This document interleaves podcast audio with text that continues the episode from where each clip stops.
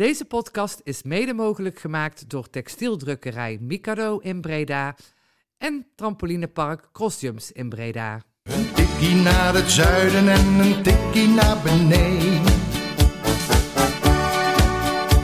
Daar wonen al mijn vrienden en daar voetbalt NAC. Laat nu de klok maar luiden, er is toch niks aan te doen. De B-side staat in vlammen en NAC wordt kampioen. Welkom bij alweer de 84ste editie eh, van eh, Een Tikkie naar het Zuiden, een podcast van Bizet Reds. Eh, ja, nog eh, 16 en dan gaan we naar de 100, Levien. Ja, ik, eh, ik, ik kijk er al weken naar uit. Ja, want eh, van, ik denk dat we ons tegenwoordig de internetsupporters mogen noemen. Eh, ik ben hier met, eh, met drie andere internetsupporters, wel leuk, want we hebben eh, een nieuw crewlid erbij. Eh, Gerrit, eh, die, is, die schuift vandaag gelijk gezellig aan eh, bij, bij de podcast. Hoi Gerrit, Hallo. Zullen we ook zijn echte naam meteen geven? dat we- mag. Nou, eh, zeg maar. Jammer. Jammer, Jammer is er eh, vanavond bij. We hebben Wouter hebben hier zitten en. Levien en ik ben Sven. Goedenavond. Ehm, ja, we mogen onze ongeslagen sta of, status helemaal wegschrijven. Hè? Ja, uit verloren bij de Graafschap. En ja, we goed, we, we- jullie gaan zo dadelijk je mening geven. Ik zal mijn mening alvast geven. Ik was, eh, eh, het was wat ik verwacht had. Namelijk dat NAC niet met de drie punten huiswaarts keerde.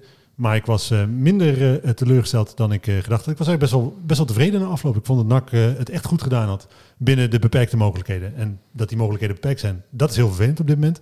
Maar ik vond echt dat, dat de ploeg helemaal niks te verwijten viel. Heeft, heeft dat nou met vorig jaar te maken dat als we verliezen met leuk voetbal, zeg maar, dat we dan in één keer heel tevreden zijn?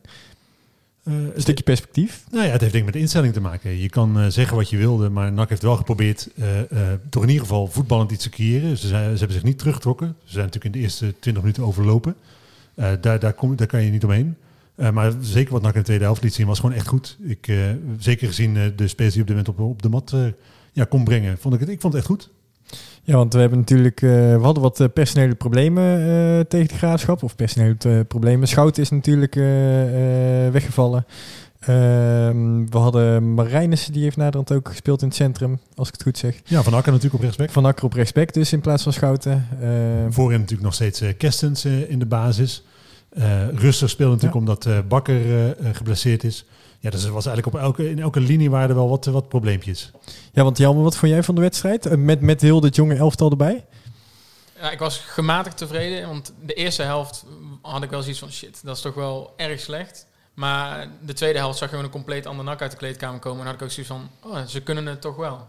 En uiteindelijk vond ik het wel jammer dat je er dan, zeg maar, je zag dat in de tweede helft dat NAC veel meer balbezit. Maar ze haalden er eigenlijk te weinig uit. Ze hadden één kansje, zeg maar. Dus Ja. één goede kans. En, en uiteindelijk, hè, ik, eh, eh, we spraken Tom Heij aan de telefoon en die zei van ja, eh, we hadden hier gewoon gelijk moeten spelen.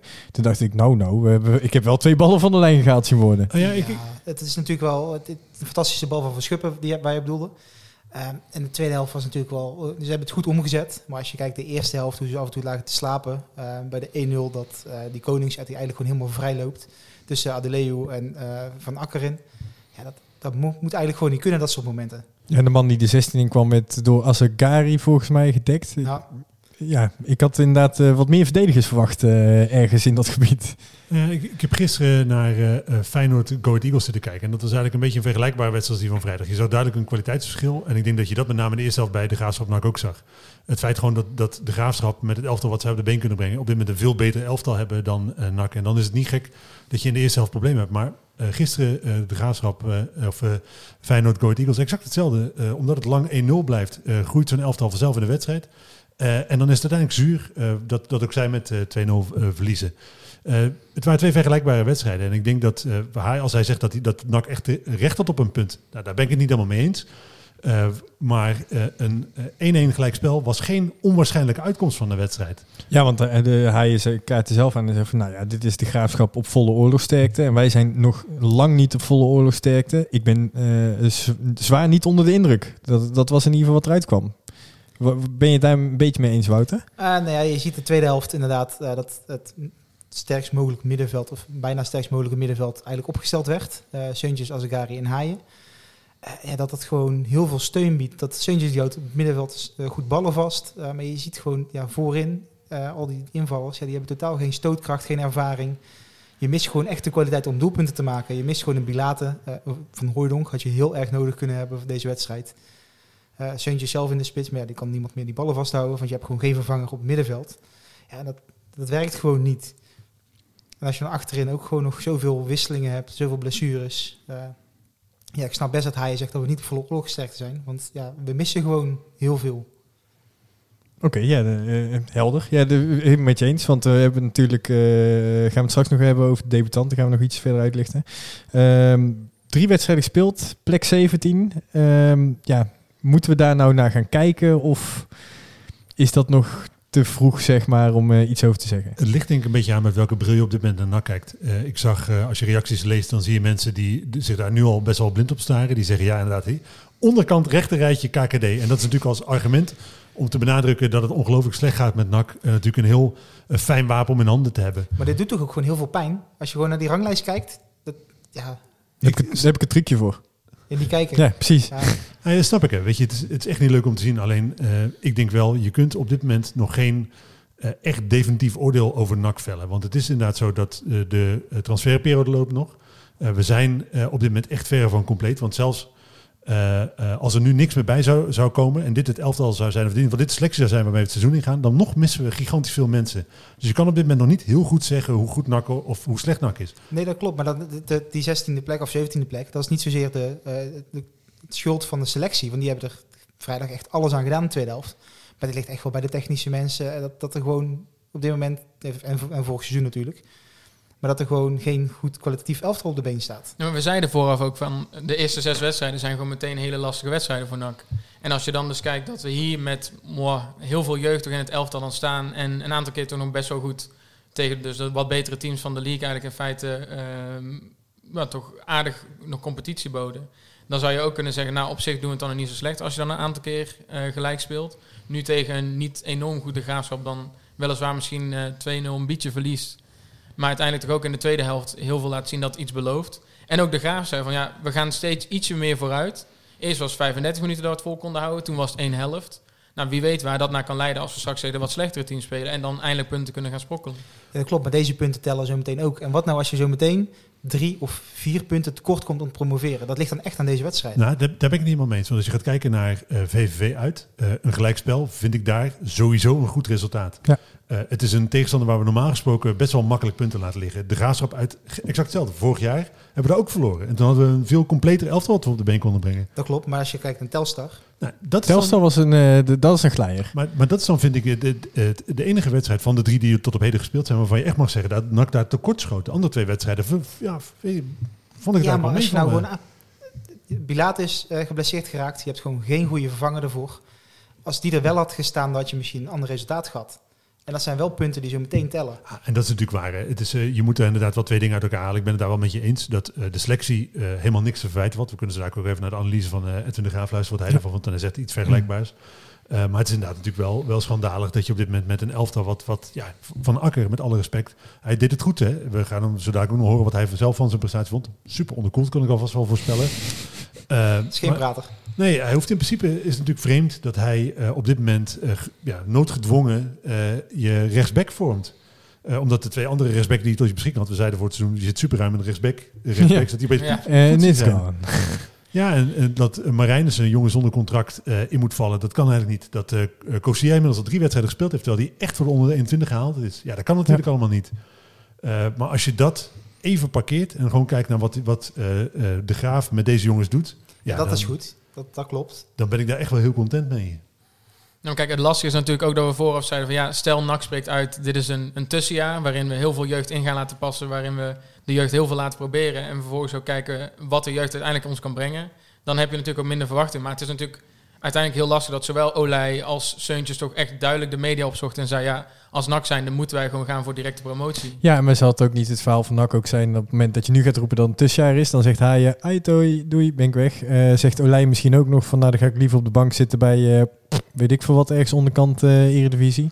Um, dan gaan dat soort jongens misschien wel lopen... want die, die zien niet nog twee seizoenen KKD zitten. Ja, maar het is ook een verschil tussen natuurlijk interne en externe communicatie. Je kan ook tegen de jongens zeggen, we moeten ook de buitenwacht een beetje sudderen... en vervolgens dan toch in ieder geval intern alles bijzetten om er toch voor te gaan. Is, is dat dan misschien ook niet de reden dat een Schouten nu gaat lopen? ehm eh, Haaien wordt aangeboden bij Sparta, eh, allemaal dat soort dingen? Ja, wellicht wel. Ik denk dat, dat Schouten... eh, dat, ik vind het wat lastiger in te schatten bij Schouten. Want hij is natuurlijk eh, geen echt onbetwist baanspeler geweest. Hij zou d- dit jaar denk ik weer voor zijn plek hebben moeten vechten. Hij heeft natuurlijk eh, best wel wat kritiek gekregen van eh, supporters. Eh, niet in de laatste plaats eh, van ons. Ik vind hem verdedigend gewoon echt heel zwak. Ja, eens. Eh, en op het moment dat je dan de kans krijgt om naar de Zweedse Superliga aan te gaan, eh, gewoon eh Eredivisie in eh, Denemarken. Zeg ik Zweeds trouwens? Je zei Ik zeg- Zweeds. is- Denemarken. Noor- of Denemarken, ja. Denemarken. Dus dan eh, eh, is er gewoon een prima, ja, en waarschijnlijk een eh, veel stabielere omgeving. Dan zou ik er ook voor tekenen. Ja. Ja, en het is natuurlijk voor ploegen die eh middenmoot tot de bovenkant van de competitie spelen, is het gewoon een goede degelijke back. Eh, hij is verdedigend niet, dat is niet zijn, zijn, beste kwaliteit. Maar aanvallend, ja, vorig jaar ook gewoon 9 assists geleverd bij NAC, wat toch voor een back best prima is. Ja, die, die jongen gaat echt wel nog zijn minuten maken daar. En ja, ik denk echt wel dat hij daar gewoon eh, misschien wel basisspeler gaat worden. Maar ik, Ja. Ja, waarom zou je dan bij NAC gaan vechten voor je plek? nou, we kunnen daar straks wel even dieper op in. Ja, laat, laten we straks gaan we dat eh, puntje toch nog even aantikken. Staat hier op mijn lijstje voor me. Kijk. Maar laten we eerst eventjes naar eh, Edwin de Graaf gaan en wat hij over de wedstrijd vond. Ik vond dat we de eerste helft eh, ja, te afwachtend waren in, in balbezit. Dus dat we geen lef toonden. En eh, bij balverlies vond ik dat we ja, meer in de duels moesten komen. Dus dat was niet goed. Eh, dat is denk ik de tweede helft een stuk beter gelukt. Hè. Dus we waren wel dominanter in balbezit. eh, zonder echt hele grote kansen te creëren. Je schiet één keer nog een, een bal op de lat. Dat is eigenlijk het enige wat we de tweede helft ja, gecreëerd hebben. Dus we missen daar een beetje stootkracht ook in, in naar voren toe en naar de goal. Alleen ja, ik denk dat ik op dit moment van deze jongens ook niet meer kan vragen. Ze werken allemaal keihard. Het zijn hele jonge jongens. En nou, die lopen op het toppen van de tenen en die geven alles. En dat is zoals het is op dit moment. Nou, op zich wel fijn dat Edwin de Graaf in eh, 30 seconden doet waar wij al een paar minuten voor nodig hebben. Maar dat, dat, er, zit, er zit geen woord Spaans bij. Ik vind dit best wel een hele reële eh, samenvatting van die wedstrijd. Eh, ja, nee, eh, en, en dat vind ik ook prettig aan Edwin de Graaf. Dat er, er, komt geen nonsens uit, zeg maar. We hebben natuurlijk met Maurice Stijn vorig jaar gehad iemand die constant zijn, zijn manieren, zijn tactiek, zijn van alles verdedigde. En het was allemaal veel beter dan dat wij dachten dat we zagen. Eh, en Edwin de Graaf vind ik heel reëel.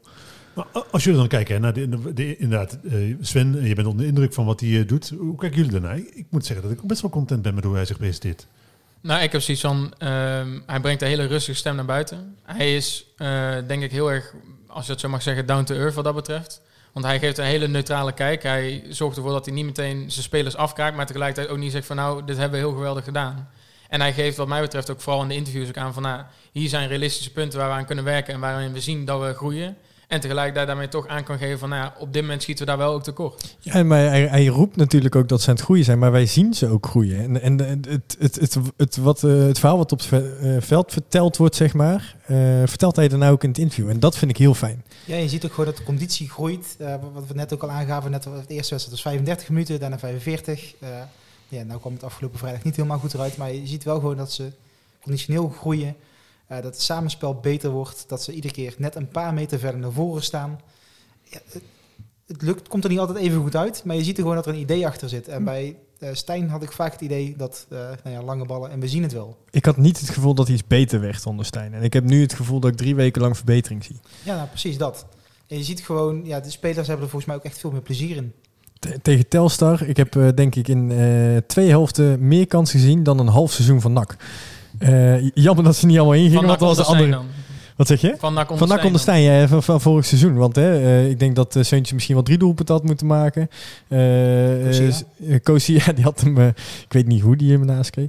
Eh, uiteindelijk had eh, onze hockeyspeler, hoe heet die, eh Villanas, eh, die had eh, nog een hele grote kans in 89 minuten schoof hij naast. Sinds eh, Heerlijk. mij gezegd heeft, het is een eh, hockeyversie van Ronnie Stam, kan ik hem niet meer anders zien. Nou ja, sinds dat jij dat tegen mij daarna hebt gezegd, kan ik hem ook niet anders zien. En hoop ik dat we een keer een strafcorner krijgen. Dus ja, weet je. Ik Maar vind goed, hem...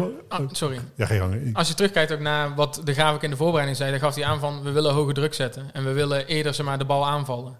En ik, de- ik denk en ik hoop zeg maar, eigenlijk ook wel dat nu NAC met het aantrekken van de conditietrainer er ook echt voor gaat zorgen dat ze dan nog langer vol kunnen houden om die druk te zetten. Want dan zal je natuurlijk ook zien dat ook die jonkies daar steeds meer verder kunnen en mee kunnen in het niveau. En als dan bijvoorbeeld Bilater terugkomt, bijvoorbeeld misschien ook dat de Roy eindelijk wat meer kan brengen dit seizoen. Dan heb ik juist ook het idee van nou, laten we die eerste zes wedstrijden dan maar met een beetje kleerscheuren doorkomen. En dan gaat het daarna vanzelf ook verder vooruit. In ieder geval wat ik nu zie van de Graaf, zou ik het niet erg vinden als hij over eh, twee, drie seizoenen nog steeds op de bank zit bij NAC. In ieder geval van wat, hoe die eh, bezig is. Ik ook niet, want het is natuurlijk een keuze die volledig uit nood geboren is. Het Ja. feit dat hij eh, nu hoofdtrainer van NAC is. Eh, alleen het lijkt een keuze te zijn die best wel goed uitpakt. Eh, zijn indruk is goed. De, de keuzes die hij op veld maakt zijn logisch. Eh, de, zijn presentatie is prima. Ik ben echt heel tevreden met eh, ja, hoe deze, ja, wat ik zeg, uit nood geboren keuze uitpakt. En Ik ook. Jij noemt die eerste zes wedstrijden. We hebben natuurlijk, hè, het, het lijkt dan toch een beetje het negatief te zijn van het eh, seizoen wat we vorig jaar hadden. Ik hoop dat het ook eh, op dezelfde manier uitpakt. Dus dat we in dit geval de eerste zes wedstrijden onder de maat presteren. En dan vervolgens een seizoen lang eh, best wel verwend worden. Nee, ja, of net als Go Ahead. Gewoon na de winterstop in één keer vanaf plek 13 naar eh, precies promoveren gaan. je hoeft maar het laatste kwartier goed te staan. Dat heeft Go Ahead gewoon bewezen. Ja, ja dat is, eh, nou, we gaan het zien. Eh, zullen we het even over de debutant hebben? Want Ja, dat wilde ik eh, graag eh, eh, ook over hebben. Want we hebben inderdaad eh Milan van Akker en eh eh Marijnissen. En Marijnissen uit nood eh, in het veld gehad. Eh, wat, wat vonden jullie persoonlijk... Laat ik beginnen met Marijnissen. Ik was echt heel erg onder de indruk van eh, de rust die hij bracht. Om, eh, dat hij, hij viel natuurlijk in voor eh eh Russen, omdat hij geblesseerd uit viel, 26 minuten uit mijn hoofd. En eigenlijk is hij daarna op eh, geen enkel moment eh, negatief eh, eruit gesprongen. En ik vind dat voor een jongen die onder zulke omstandigheden zijn debuut moet maken, echt een prestatie van formaat. Hij is gewoon niet opgevallen en dat is echt heel knap, vind ik. Ja, nee, vorig jaar natuurlijk tegen Go Ahead wel een wedstrijd gespeeld. Dat was ook niet de beste wedstrijd van heel het elftal. Maar er stond eigenlijk gewoon de onder 21 stond op dat moment op het veld. Ja, en hij speelde vandaag, of, vrijdag gewoon solide. En wat je zegt, viel niet negatief op. Verraste ook niet met een rush naar voren of iets. Dat- Maar dat hoeft ook helemaal niet in zijn wedstrijd. Gewoon, hij deed zijn ding en prima. Hij maar was- ik denk ook eh, zeg maar, dat bij Marijnissen, die valt ook al, viel ook al op in de voorbereiding. En hij had bijvoorbeeld ook, die tegen Sparta toen tijdens de oefenduel ook in zijn broekzak. En eh, juist ook van Marijnissen hoop ik eigenlijk dat NAC hem ook een contract gaat geven. Want hij doet het gewoon best wel goed. En het feit dat hij juist niet opviel, zegt mij eigenlijk genoeg voor iemand die gewoon even zo hoppatee... Toch maar ook zonder voorbereiding, hè, want Rustler speelde gewoon natuurlijk. Dan nog in kon vallen en het gewoon best wel prima invult. Ja, maar je bent ook een verdediger, dus je hoeft ook helemaal niet per se op te vallen. Nee, maar ik denk, je noemt nou Rustler. Da- daar vind ik nou echt een jongen van waarvan ik veel meer verwachtte. En waarvan ik inmiddels toch twijfel eh, of hij echt wel zo goed is als ik gehoopt had dat hij eh, zou zijn. Ik, eh, hij viel namelijk wel in negatieve zin op. En dat Ja. doet hij eigenlijk al eh, het, ja, hele, hoewel het seizoen nog heel pril is. Hij valt wel vaker negatief op vooralsnog. Ja, maar die is natuurlijk, zou vorig jaar zou die eh, logischerwijs basisspeler worden. Eh, die heeft een flinke knauw gehad en zelfvertrouwen onder Stijn. Ja, dat is niet zomaar terug. En zie dat maar eens. ja, maar is dit alleen zelfvertrouwen? Nou ja, je zag gewoon dat hij op een gegeven moment toch vrij ongelukkig op het veld liep. Dus ik denk echt wel dat er iets in zijn hoofd zit dat niet helemaal goed zit. Ja, eh, dat, dat, dat, dat hoop ik ook dat dat ook meespeelt. Maar misschien is het ook gewoon een klein stukje dat er niet uitkomt. Ja, maar als je een jaar eh, amper gespeeld hebt, uh, jij, jij, je, moet, je zou er gewoon moeten staan als profvoetballer. Maar ja, blijkbaar is dat uh, voor sommigen lastig. Ja, maar ik denk ook als je kijkt naar, natuurlijk naar Reusler vorig jaar toen hij naast Riera stond. Dat duo vond ik op dat moment Ja. best wel goed. En zeker voor NAC begrippen was dat een best wel solide duo. Maar lag dat niet gewoon aan Riera? Die het gewoon goed weg kon zetten. Ja en nee. Ik bedoel, kijk, natuurlijk kreeg Reusler op een gegeven moment ook het vertrouwen. En vertrouwen, dat wordt heel vaak gezegd, dat doet heel veel met een speler. En uiteindelijk als hij dan ineens zomaar eruit wordt gehaald... en natuurlijk Malone moest per se in het elftal blijven... nou, dan halen we Rustler eruit. Dat was voor mij in ieder geval het begin van het einde voor Rustler op dat moment. Nou, je hebt misschien wel gelijk hoor, dat het in de combinatie zit. Want eh, we hebben natuurlijk vorig jaar ook, je noemt dan Ballon, eh, gezien hoe erg die geworsteld heeft achterin. En eh, de laatste wedstrijden klopte de verdediging met Hendricks als linksback, Adileo naast Malone. En toen kwam Malone ook veel beter tot recht. Dus het kan inderdaad wel heel goed zijn dat bij Russell ook in de combinatie zit. Dat Adileo voor hem gewoon niet de beste partner centraal achterin is. Maar dan nog verwacht ik wel meer van hem dan die nu brengt. Maar heb je dan ook dat je die verwachtingen meer hebt omdat hij van City komt? Ja, en omdat hij Noors Jeugd International is. En omdat het natuurlijk ook... Het is niet zijn eerste seizoen als profvoetballer. Hè? Het is zo dat hij eh, loopt natuurlijk al wel een tijdje mee bij NAC. Eh, en dan verwacht je... En ja, als ik, ja, ik weet niet of we daar nog uitgebreid over gaan hebben. Daar heb ik een beetje hetzelfde mee. Ook dat zijn jongens die natuurlijk nog geen... Ook hij is geen onbetwist baanspeler. Alleen daarvoor had ik ook van verwacht dat hij verder eh, zou zijn dan die nu is. Ja, maar daar zie je ook bij dat hij gewoon de ervaring af en toe mist. Uh, dat, dat hij gewoon net wat slimmigheidjes... Dat hij, uh, als je kijkt hoe hij sommige dingen uh, gewoon slim oplost... Door ja, gewoon die ademt voetbal. Ja, die ademt voetbal. Maar die, je, je ziet gewoon dat hij al zoveel wedstrijden gespeeld heeft... dat hij dingen gewoon van tevoren ziet aankomen. En dat is... Deels is dat gewoon talent. Maar deels is het echt gewoon slimmigheid en ervaring. En je, je, mist, je ziet gewoon bij Azagari dat hij dat gewoon mist. En ik denk echt als die jongen gewoon de kans krijgt om een seizoen lang te spelen... Dat wordt, het wordt geen haaien. Maar dat hij echt wel gewoon uh, een basisspeler voor NAC gaat worden. Ja, maar je hebt het ook een beetje over natuurlijk een knop omzetten. Hè? Want als je kijkt naar haaien, over haaien, ik geloof dat er vorig jaar een artikel over was. Haaien werd ook ineens over gezegd van hij heeft een bepaalde knop omgezet. En nu pas doet hij het eigenlijk 100% voor het echi.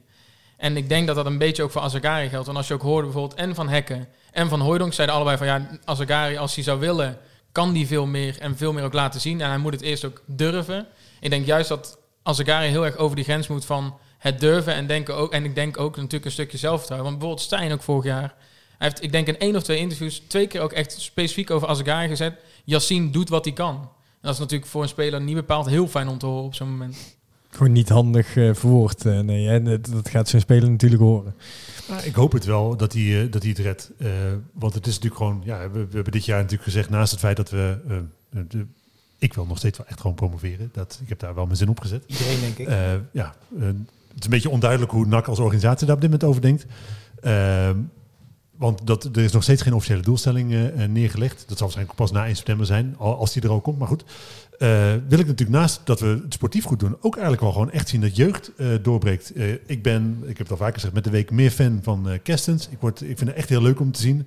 Zo'n Marijnissen die invalt, vind ik tof. Ik vond Van Akker, eh ondanks na die moeilijke eerste 20 minuten, het echt gewoon oké doen. Tweede helft heel, heel prima aanvallend ook eh, zijn meerwaarde gehad. Dat vind ik leuk. Ik hoop gewoon dat die jongens eh, een vaste basisspeler worden. En dan, ja, bij iedere debutant hoop ik dat dit daar in Nederland zelf had. Nou, dat zal er bij de meeste van deze debutanten niet in zitten. Maar als zij een paar jaar lang een goede, waardevolle speler van NAC zijn, dan ben ik al super content. Ja, maar het is ook veel leuker om jeugdspelers te zien dan een. nou ja, we hebben een elftal gehad met een Rosheuvel en dat soort spelers. Ja, dan zie ik veel liever gewoon vier, vijf jeugdspelers erin die echt alles geven. Dan gewoon een paar verdetters die het eigenlijk op 50% wel denken te kunnen doen. En dat maakt ook, weet je wel, dat ik oh, aan deze nederlaag helemaal niet heel zuur ben. Want ik denk, we hebben jongens gezien die eh, het maximale uit hun eigen eh, vermogens gehaald hebben. Die echt alles, alles gedaan hebben wat, wat ze konden doen. Ja, het was gewoon uiteindelijk niet genoeg tegen een betere tegenstander. Dat is dan zo. Eh, maar er valt die jongens echt nogmaals helemaal niks te verwijten. En ik vind dat ze echt trots mogen zijn wat ze op de mat gelegd hebben in de tweede helft. Ja, maar dat is ook een beetje wat bij mij speelt. Hè. Je zegt van, ik heb eh, promotie nog niet losgelaten. Nou, durf er nog niet van te dromen, maar ik, ik, ik help het je open. Eh, maar ik weet dat ik vrijdag weer met plezier naar het stadion toe ga. Eh, als ik een wedstrijd zoals vorig seizoen moest gaan bekijken vanaf het stadion, dan vond ik het leuk om met jullie te gaan. Maar dan was het niet omdat het, het voetbal zo sprankelend was.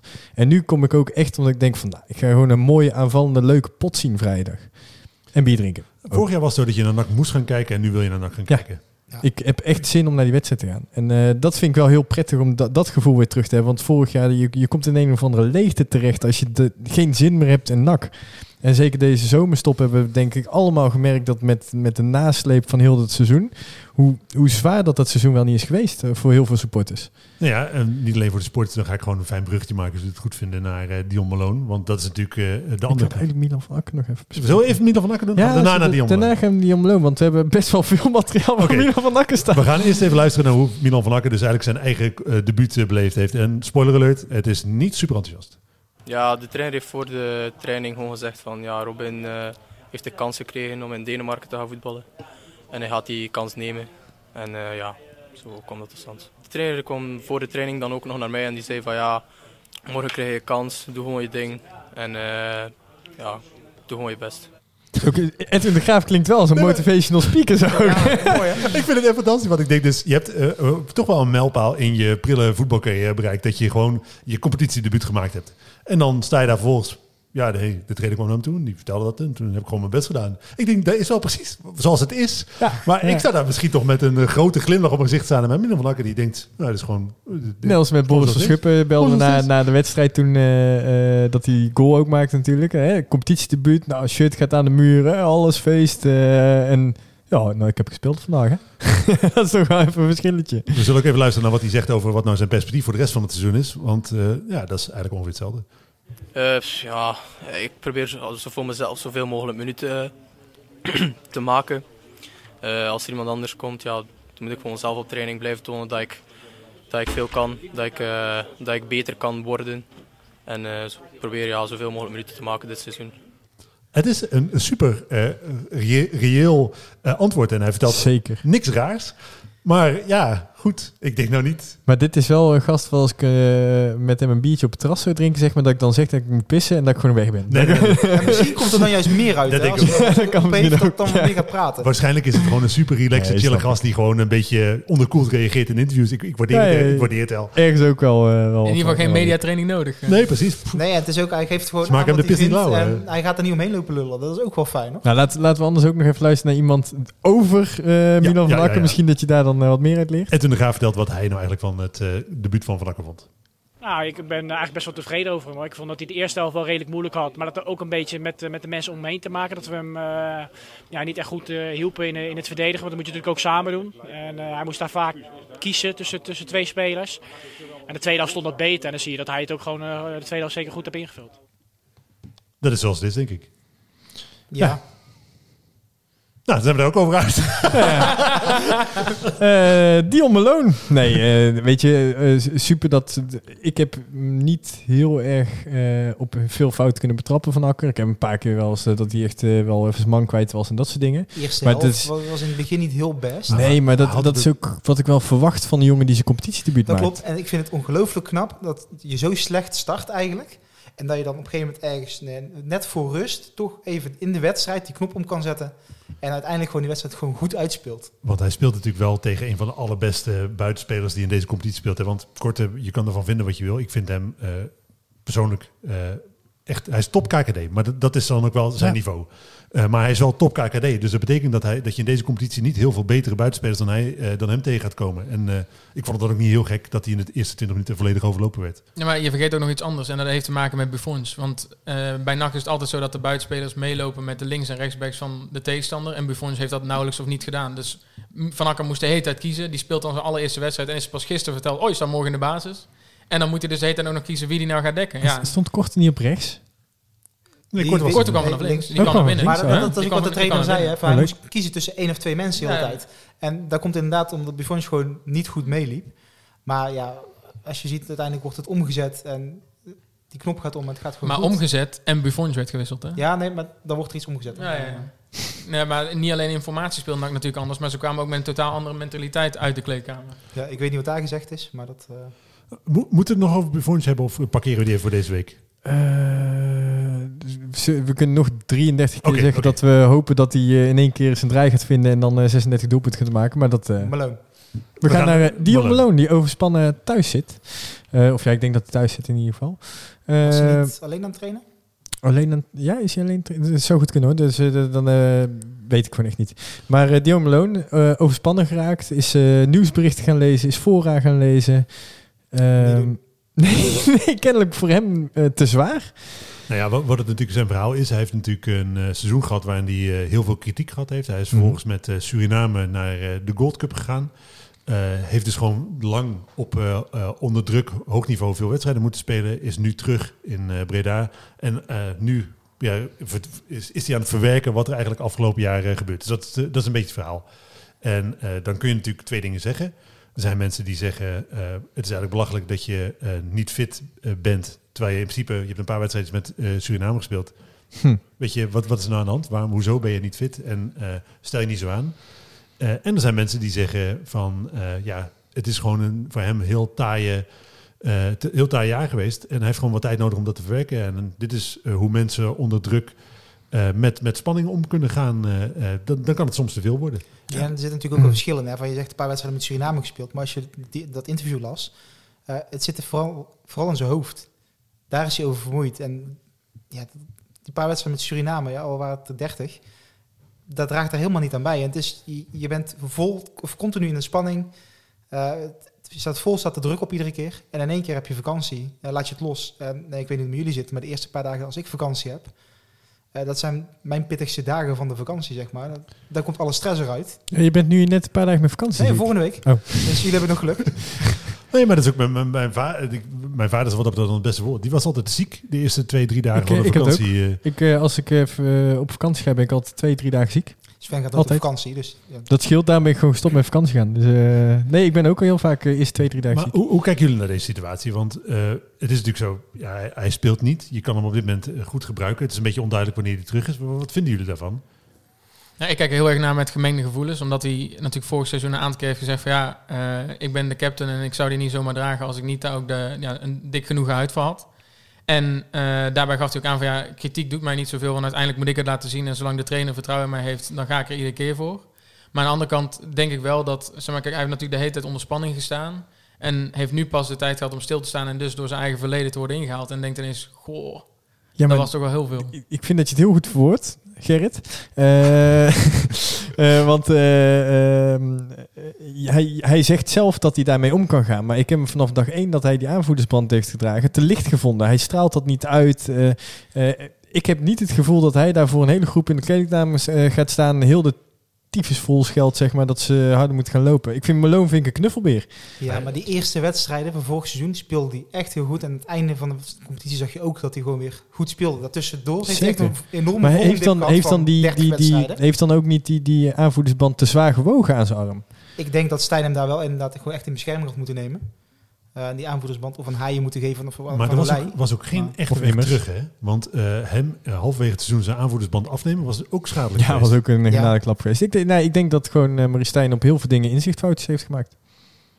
Maar is het dan zo dat jullie op dit moment begrip hebben voor het feit dat hij uh, on, op ja, onduidelijke hoeveelheid tijd nog, nog, Ik- nog kwijt is? Ik vind Dion uh, qua persoon echt een hele lieve gast. Uh, dus ik, vind, ik, heb mijn, uh, ik, ik heb meer medelijden met hem dat hij nou thuis zit. En ik geloof ten zeerste dat hij daar ook echt heel erg veel last van heeft. Dan dat ik zoiets heb van ja, kom op, je bent een prof. Ik had misschien een bikkelharde voetballer die altijd een grote mel heeft gehad en dan thuis komt te zitten. Daar had ik misschien wat over te zeggen gehad. Maar bij Dion Malone heb ik echt iets van ja, ik denk ook dat jij gewoon helemaal verkeerd beoordeeld bent. Ja, dat klopt wel wat je zegt. Het is een vrij zachtaardige gast. Ja. Uh, ik heb hem niet heel vaak gesproken, maar dat is wel een beetje uit interviews en de keren dat ik hem sprak wel een beetje het, het gevoel wat ik over hem heb. En juist als je dat uh, wat harder bent, uh, wat dingen wat makkelijker van je af laat glijden, dan heeft zoiets iets minder effect op je. Kijk, en Immers bijvoorbeeld, die, die is daar gewoon harder in. Die, die had schijt heeft volgens mij. Ja. Ja. ja, en Malone, ja, die, die, trekt het zich waarschijnlijk gewoon te veel aan. En als je dan ook nog eens de reacties op internet gaat lezen, ja, Ja. wij zijn zelf vorig jaar best hard tegen hem geweest. Want dat was mijn en als je dan de reacties gewoon op internet nog las, die waren nog harder als dat wij waren. Ja, dat Hmm. is niet heel best. Want dat was mijn volgende vraag. Uh, nemen jullie jezelf iets kwalijk? nee. Ik voel me eindverantwoordelijk voor. Nou, we nee, nee, nee. vorig Ja, We hebben vorig jaar met z'n drieën natuurlijk in de matchkast gezeten. En uh, daar heb jij, heeft Sven toen voorspeld dat uh, Malone zou scoren. Uh, dat heeft hij toen uiteindelijk ook gedaan. de enige keer dat de uitslag met rust en eindstand en is doelpunt uh, maar goed was, was Dion. Malone met een Maar- frommelgoal. Daar hebben we best wel wat, uh, ja, wat over die jongen gezegd. Uh, dat hij niet heel lekker uh, op dat moment aan het voetballen was. En daar was op dat moment gewoon niks aan gelogen. We hebben niet, niet gezegd dat hij er geen bal van kan. Of maar gewoon dat het er niet uitkwam. Ja, dat het niet de beste verdediger was. Dat is het ook gewoon niet. Ja, we- Ik vond hem prettiger op het middenveld. Ik hoop ook dat hij straks op het middenveld gebruikt gaat worden. Nou, ik heb natuurlijk naar dit, dit bericht van wel bij me, ben ik bij mezelf te raden en denk ja heb ik hier nou aan bijgedragen? Ik denk ja, de, de, ik kan niet ontkennen dat ik hier toch wel een, uh, in ieder geval, ik ben niet totaal verantwoordelijk voor het feit hoe Dion Malone zich nu voelt. Dat is gewoon niet zo. Ik bedoel, daarvoor spreek ik hem gewoon te weinig, lees hij te weinig van wat ik zeg. Maar we hebben natuurlijk wel een interview na, uh, gehad, waar ik hem ook gewoon gevraagd heb van ja, ben je eigenlijk wel geschikt als aanvoerder? Ja. weet je, heb je, moet je niet tegen de trainer zeggen dat hij jou niet op moet stellen? En ik denk dat is natuurlijk wel, ja, dat is redelijk, redelijk hard iemand bevragen op, op, op zijn tekortkoming op dat moment. En ik kan me voorstellen dat dat, soort gesprekken wel van invloed zijn geweest. Ja, maar daardoor kan hij ook reflecteren en kijken van, nou ja, misschien zit ik op dit moment niet gewoon, uh, presteer ik niet goed genoeg ervoor. En misschien had hij hem daardoor juist wel afgegeven vorig seizoen. En was het anders gaan lopen. Ja, ja als je ja, dat niet het is heel erg koffiedik niet. Dus- kijken. Kijk, Ja, maar- weet je, eh, de, nu achteraf in hindsight is het namelijk heel erg logisch nou dat hij thuis zit. Maar op, op dat moment, zeg maar, speelde dat gewoon en hebben we het gewoon benoemd en bevraagd. En uh, Gerrit heeft er ook wat over te zeggen. Ja, maar kijk, het is natuurlijk ook zo dat zijn captain zijn is uiteindelijk, vind ik, wel een inschattingsfout van Marie Stijn en niet per se van hem. En hij krijgt natuurlijk vanuit, ik noem maar even een autoriteitsfunctie aangewezen van, nou, jij bent de captain. Dus hij denkt ook, de trainer ziet in mij dat ik captain ben, dus heeft dan nog meer bewijs dan waarschijnlijk ook zeker in het begin om dat ook te doen. Dus eigenlijk En- zeg je gewoon dat het de schuld is van Brie Stijn. Een, in een groot gedeelte wel. Het is uh, altijd of de schuld van Marie Stijn tegenwoordig of Davy Scholler. Eén van de twee. Je mag kiezen. Ja, maar ik denk dat, dat je daar wel een zinnig punt hebt. Het is inderdaad zo dat hij in die rol gedwongen is. En uh, uiteindelijk ik denk dat we wel met z'n vieren erover eens zijn dat die rol hem niet paste. Nee. Uh, en ik vind het ook een verstandige keuze dat hij zijn aanvoerdersband ingeleverd heeft. Uh, sowieso denk ik dat zijn uh, positie wat anders wordt nu onder deze trainer. Ondanks het feit dat hij natuurlijk assistent-trainer vorig jaar was dan onder Maurice Stijn. Ik ben benieuwd, dat zullen we de komende weken gaan zien, of hij überhaupt bij NAC blijft. Ik heb zelf het vermoeden, het zou mij niet verbazen als hij zou vertrekken. Dat baseer ik niet op het feit dat ik weet heb van enige concrete interesse. Maar dat zou ik gewoon niet heel raar vinden. Uh, op het moment dat hij zelf zo terugkijkt nu op die periode met uh, uh, ja, vorig jaar waarin hij heel veel kritiek gehad heeft. Nou, de trainer die hem gehaald heeft is natuurlijk weg. Hij wilde vorig jaar al naar het buitenland. ik kan me voorstellen dat, dat het gevoel alleen maar groter geworden is na dit jaar bij NAC. Ja, en het is natuurlijk ook, hij verdient volgens mij redelijk veel. Precies, dus het is voor en geen daar is, hij, hij is nergens echt onbetwiste basisspeler in de selectie. Je zal hem toch inderdaad op een, eh, eh, ergens in moeten passen op een plek waar eigenlijk geen ruimte is. Want achterin weet ik niet zo goed eh, eh, dat mijn favoriete centrum zou denk ik Adileu en eh, Bakker zijn. Ja. Bakker heb je voor de baas gehaald, dus ik kan me niet voorstellen dat je hem op de bank gaat zetten. Nou, dan is in principe voor Malone daar geen plek. Op het middenveld eh, zou hij dan denk ik nu moeten concurreren met eh eh, Azagari. Ja. Eh, dat, dat zou dan denk ik de enige optie zijn. als, als, hij, als hij weggaat, eh, dan zou ik Malone heel graag als die laatste eh, positie willen hebben. Die Maar durf je, eh, durf je het als NAC zijn aan om eh, zo'n, eh, ja toch wel eh, echt de, de, de speel van je elftal, eh, haaien, eh, de man waarbij alle eh, opbouw begint eigenlijk, om daar Malone neer te zetten? Ik snap al dat ze in principe dezelfde positie Ik, kunnen weet, spelen. ik maar zou niet weten wie... niemand kan hij vervangen op dit moment, denk ik. Niemand. Maar je moet toch door. Hè? Zijn positie, ik vrees dat hij weg komt vallen, daar gaan we het zo over hebben. En dan hebben we ook nog een mooie crossover met de match, man of the match. Maar wie moet het anders doen? Ik denk dat Seuntjes, die vind ik ook wel goed aan de bal. Eh, hij kan natuurlijk ook gewoon opruimen, afgeven aan iemand die dus het spel kan gaan verdelen. Ja, en je heeft vorig jaar wel gezien, de wedstrijd die op het middenveld stond, eh, juist toen schoof hij wel door naar voren. Ja. En dat deed hij niet verkeerd. Nee. En ja, kijk, eh, afgelopen vrijdag, we hebben het er ervoor al even over gehad, die gaf hij weer een fantastisch balletje buitenkantje rechts. Ja, dat zie ik Malone niet zo snel doen. nee, dat gaat Maar, niet gebeuren. ja, eh, Achter het standbeen. Puur als verdedigende middenvelder en af en toe een keer naar voren, ja, prima. Ja, nee, daarom zou ik hem graag eh, zien blijven. Ook gewoon omdat ik echt een toffe gast vind. En ik gun hem ook gewoon dat hij eh één seizoen draait bij NAC, zeg maar, onbesproken. Hartstikke waardevol. Zeker na wat hij dus nu meemaakt. Eh, zou ik het zonde vinden als hij nu geruisloos via de achterdeur weggaat. Ja, moet hij wel op tijd fit zijn. Nou, ik denk ook wel met Malone dat, zeg maar, stel je zou hem als 6 gebruiken, dan zou hij bijvoorbeeld, ik noem maar iemand even, de Roy beter kunnen, zeg maar, eigenlijk, eh, hoe noem je dat, verlichten in zijn werk. Want dan kan Malone meer het verdedigende doen en het opruimen en kan de Roy zich nog meer focussen op het aanvallen. En juist dat zou ik eigenlijk ook best wel geprobeerd zien willen, omdat ik denk dat we straks nog over Azagari gaan hebben, die dat bijvoorbeeld even niet zo zou, zeg maar, zo zou kunnen invullen. En daarnaast, als je kijkt naar de Roy bijvoorbeeld toen hij nog in zijn laatste seizoen bij FC Eindhoven speelde, werd de Roy volledig ontlast en hoefde hij er alleen maar aan te vallen. En ik denk dat hij dan nog wat meer kan brengen. Nou, ik, ik denk dat we Malone zeg maar wel goed besproken hebben nu. En we, die, we, we crossen natuurlijk ook een beetje met de positie die hij kan opvullen met eh, Tom Haaien. Maar heel even, hè. Eh, Ja. één laatste vraag nog. Eh, de kans dat hij blijft? Malone? Malone? Eh, 50 procent. Ik denk echt dat hij blijft en dat hij zich nog wil bewijzen. Oké. Ik hoop wat Gerrit denkt. Oké, ik eh, houd zelf ook op 50-50. Ja, ik denk ook 50-50. Oké. Nee, eh, Tom Haaien. Eh, we hebben natuurlijk eh, na de wedstrijd de man of the match eh, verkiezing. Ik moet heel eerlijk zeggen dat er eh, verdacht veel voldoendes waren. Eigenlijk geen onvoldoendes in het elftal. Dus dat zegt ook ja, een, pa- een paar kleine Azagari onvoldoendes. heeft een tijdje lang op een 5,4 gestaan. Ik weet niet hoe de laatste Ik zal even was. de ik eh, stand zoals doe hem voor de zekerheid maar even bijhalen. Ik weet in ieder geval dat eh, Tom Haaien met vlag en wimpel... eh Ralf Seuntjes had de 7 en de 7,8 voor Tom Haaien. Eh, dat is niet voor niets, hè. Ja, de onvoldoendes waren voor eh Mazart 5,5, uh, Russer eh 5,7, eh Azagari 5,5 en DJ Performance een 4,9. Oké, maar dat betekent eigenlijk dat eh f- middelbare schoolsysteem heeft alleen Buffoontje een onvoldoende en de rest met de hak over het sloten zesje. Een 5,5 is bij mij gewoon onvoldoende. De Jij bent echt de, de leraar uit de hel ben jij. Klopt, klopt, klopt. Jammer jongens, niet geslaagd. Dan krijg je je, je, je proefwerk terug, 5,5. Jee, en dan zeg je nee, je blijft gewoon zitten. Hup, flikker op. En dus inderdaad aan de andere kant heb je eh eh Haaien 7,8, Suntjes een 7,0 en op de derde plaats eh, met een 6,9 Nick Olij. Die mijn man van de wedstrijd was eigenlijk. Oh, oké. Nee, ik, ik eh, moet heel eerlijk zeggen, ik snap Tom Haaien en ik, ehm, ja, ik snap Tom Haaien wel als uh, min of match. Mm, Alle drie in principe toch? Want het zijn de drie karttrekkers op dit moment. Eh, je ziet gewoon als hun eh, of uitvallen of niet spelen, eh, dat Zeker, zeker. wordt. Zeker. Ik, eh, alleen het, het voordeel zeg maar, van een, een, een Nicolai eh, vind ik dat we gewoon een eh, goede tweede keeper erachter hebben staan. Dus dat, dat, dat, ik denk ook een beetje in die positie kan je nog inwisselen. Maar- Ralf Seuntjes kan je ook niet kwijt. We hebben net dus eh, besloten dat Malone prima Haaien kan vervangen. Betekent dat dat we blij moeten zijn als Haaien vertrekt? Nee. Nee, Nee, nee, nee, nee, nee, nee. Nee, eh, hij, dat, eh, dat heb ik volgens mij vorige week ook in de podcast gezegd. Eh, mijn nachtmerrie is, is dat hij nog gaat lopen. Want eh, dat is de enige waarvan ik denk van... "Mwah, zet een paar goede krachten eromheen. Dan kunnen we echt wel meedoen voor, voor promotie. Valt hij weg, dan valt voor mij in één keer weer 40, 50 procent van die promotiekans weg. Ik zeg net eh, voor eh, eh, Malone hè, 50-50 een beetje kans dat hij blijft. Nou, hoe schatten we die kans voor Haaien in? Ik denk 25% dat hij blijft. 75% dat hij weggaat. Ik denk ook zoiets, ja.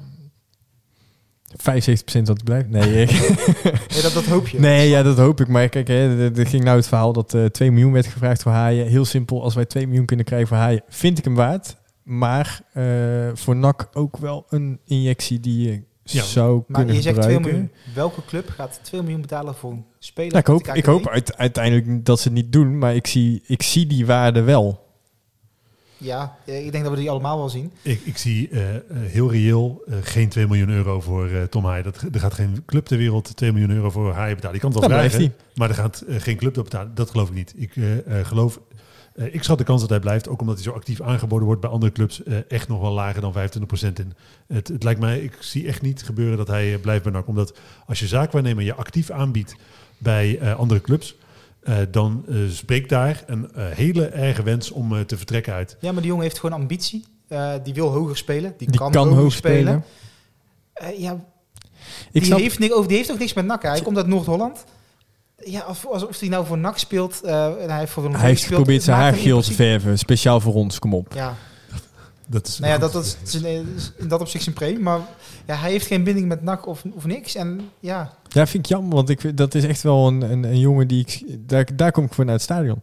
Ja, als hij nog eh, bijtekent voor tien jaar, dan... eh ja, die nee, dat maar ja, krijgt, weet je, ik, ik, gewoon, eh, en heel veel mensen kijken daar wat, wat, wat meer geromantiseerd naar. Maar ik snap dat je voetbalcarrière, die is kort. Je bent maar heel kort profvoetballer. Je hebt maar heel korte tijd om je op te boksen, geld te verdienen. En daarna komt je voetbalpensioen.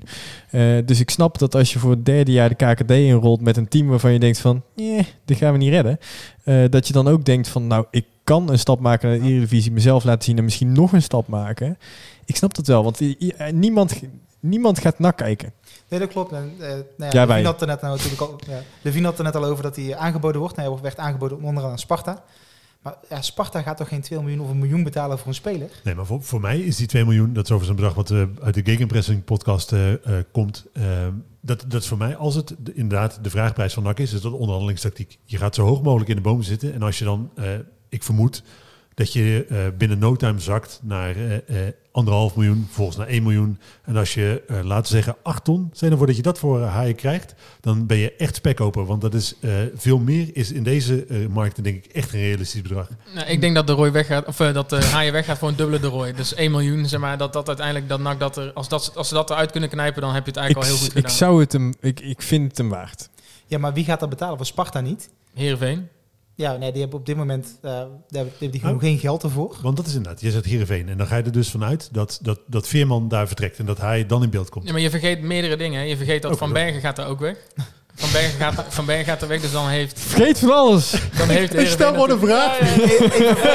Een van de luisteraars, de wie kijkt echt heel verbaasd. We gaan eh, deze podcast opnieuw opnemen. We hebben geen nieuw crewlid. Nee, maar ik bedoel meer te zeggen van, kijk, allereerst is Peter Maas natuurlijk naar Heerenveen gegaan. Dus die weet maar al te goed wat hij kan. Dus dat is, vind ik sowieso al iets van, ja, shit, die, die weet gewoon precies wat, wat hij dan in huis zou halen. Van Bergen gaat er weg, dus dan heeft Heerenveen nog geld. En dan zou Veerman, ik denk dat hij weggaat, ook zeg maar, heel veel geld opleveren. En dan hoeven ze daar maar een fractie van te betalen om dan Haaien te halen. En de, de, de, de paasjes die Veerman geeft, die kan Haaien ook geven. Dus dat zullen ze allereerst zien. En ik denk ook voor Haaien geldt ook van... Hij heeft al twee keer voor zichzelf, nou, laten we toch zeggen, verneukt. Want hij deed een aantal keer niet heel erg goed. En hij zal dus nu denken van, nou, ik sta nu in de spotlight. Iedereen weet dat ik de dragende speler ben bij NAC. De supporters zingen liedjes over mij. Dan zal iedere club dat nu ook denken van... En hij dus ook van, nu moet ik een stap maken. En hij heeft bewust gekozen voor NAC. Want hij zou bij ADO eigenlijk in de Eredivisie zou hij gewoon in de basis staan. Raakte geblesseerd en ze hield toen vast aan dezelfde elf... in de hoop dat het lek een keertje boven zou komen.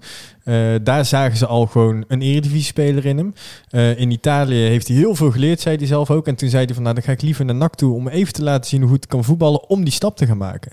Hè, daar heeft hij heel keurig netjes drie jaar zijn contract verlengd hè, bij, uh, bij NAC... wat voor NAC alleen maar bonus is. Overigens moeten we daar wel uh, credit where credit's due uh, aan uh, Tom van Abelen. Ja. Een kleine, heel bescheiden applaus voor Tom van Abelen. hij heeft heel veel verkeerd gedaan, maar heeft hij het wel heel goed gedaan. Ik, ik, ben benieuwd hoeveel hij zelf in zijn zak heeft gestoken. Maar niet zo nee. uit. Hij heeft in ieder geval een contract Echt met uh, Haaien gesloten waar geen gelimiteerde transfersom is. We gaan het zo daar over een andere speler hebben waar uh, goed ook geen gelimiteerde transfersom in zat, maar dat is een heel andere soort, soort clausule.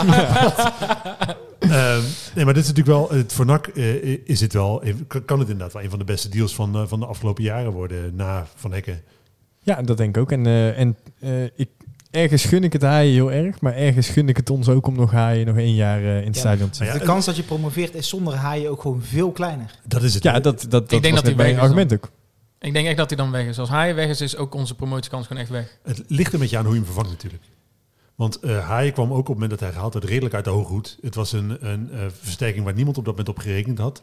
eh, die direct van meerwaarde bleek. Hij had natuurlijk ook een beetje lastige periode gehad eh, in Italië en dergelijke. Dus het is niet zo dat je, dat je niemand kunt vinden die dat in zou moeten kunnen vullen. Nee, dat klopt. Maar ik heb met een collega van mij gesproken die Willem II supporter is.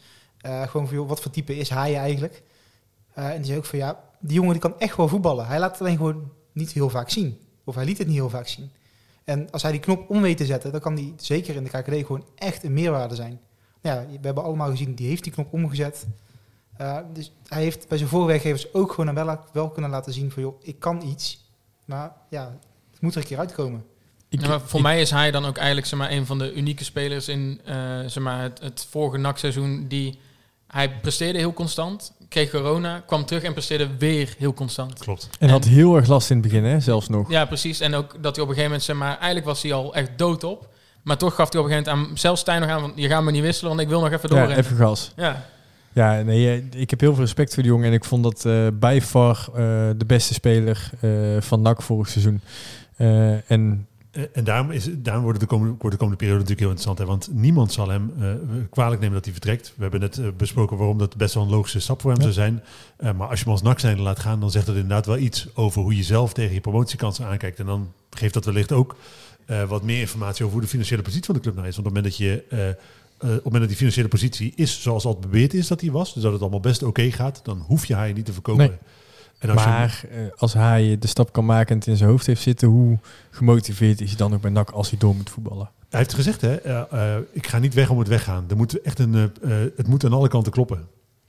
Ja, maar, ik Heerenveen- denk dat er echt wel iets kan komen wat aan de andere kant Ja, klopt. maar in Heerenveen, waar die minimaal twee keer zoveel kan verdienen. Nou ja, dat is ook zo. Dat is ook zo. Stabiele eredivisieclub, eh, bijna altijd linker rijtje.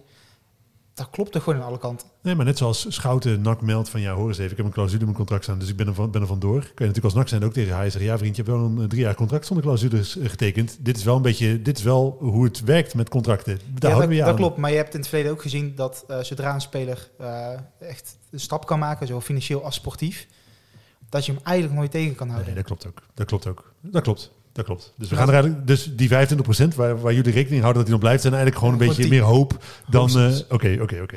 Oké, nou, Haai gaat dus weg. Jammer. Pure ellende dit. maar eh, over, eh, ja, een mooie crossover weer. je hebt het over een jongen die zegt van... hey vrienden, ik heb een clausule in mijn contract. Ik mag gewoon gelijk de deur uitstappen als ik dat wil. Robin Schouten. Ja, want die, Die, zou zo'n jongen dus ook die kritiek horen van ons, van, van, van supporters. En daar ook denken van... Yo, gasten, tjallas, ik ben er vandoor. Ik denk dat dat voor hem ook gewoon heel erg geldt. Eh, nog veel meer dan eh, voor, voor Haaien, denk ik. Dat hij gewoon denkt, weet je wat, ik laat deze tering zo lekker achter me. Ik, eh, het is wel gewoon goed zo. Ik, dat ik echt. snap dat heel goed. En ik snap dat ook vooral, hè, net als wat je al aankaart. Hij kan daar in de hoogste divisie van Denemarken gaan spelen. Is niet onbesproken eerste rechtsback bij ons. Had hij misschien kunnen worden, want Rutte ja, die is structureel geblesseerd. Maar ehm, ja, ergens... Ik, ik begrijp hem heel goed, maar ik vind het toch jammer. Want die twee seizoenen geleden, daar hebben we het eh, vorige week eh, volgens mij nog over gehad. Ehm, als hij dat niveau kon halen wat hij daar toen haalde in het AZ-stadion... en ook in een paar andere wedstrijden... Poh, dan hadden we goud in handen. Ja, ik ben er inmiddels wel echt van overtuigd dat binnen NAC hij nooit meer dat niveau gaat halen. Maar ik snap nog steeds niet... Hè, hij heeft in januari zijn contract verlengd eh, tot 2024. Eh, voor drie jaar bijgetekend. Drie jaar bijgetekend. En daar staat dus een clausule in. Ja, hoe de fuck kan je die clausule erin... Ja, sorry, ik snap dit niet.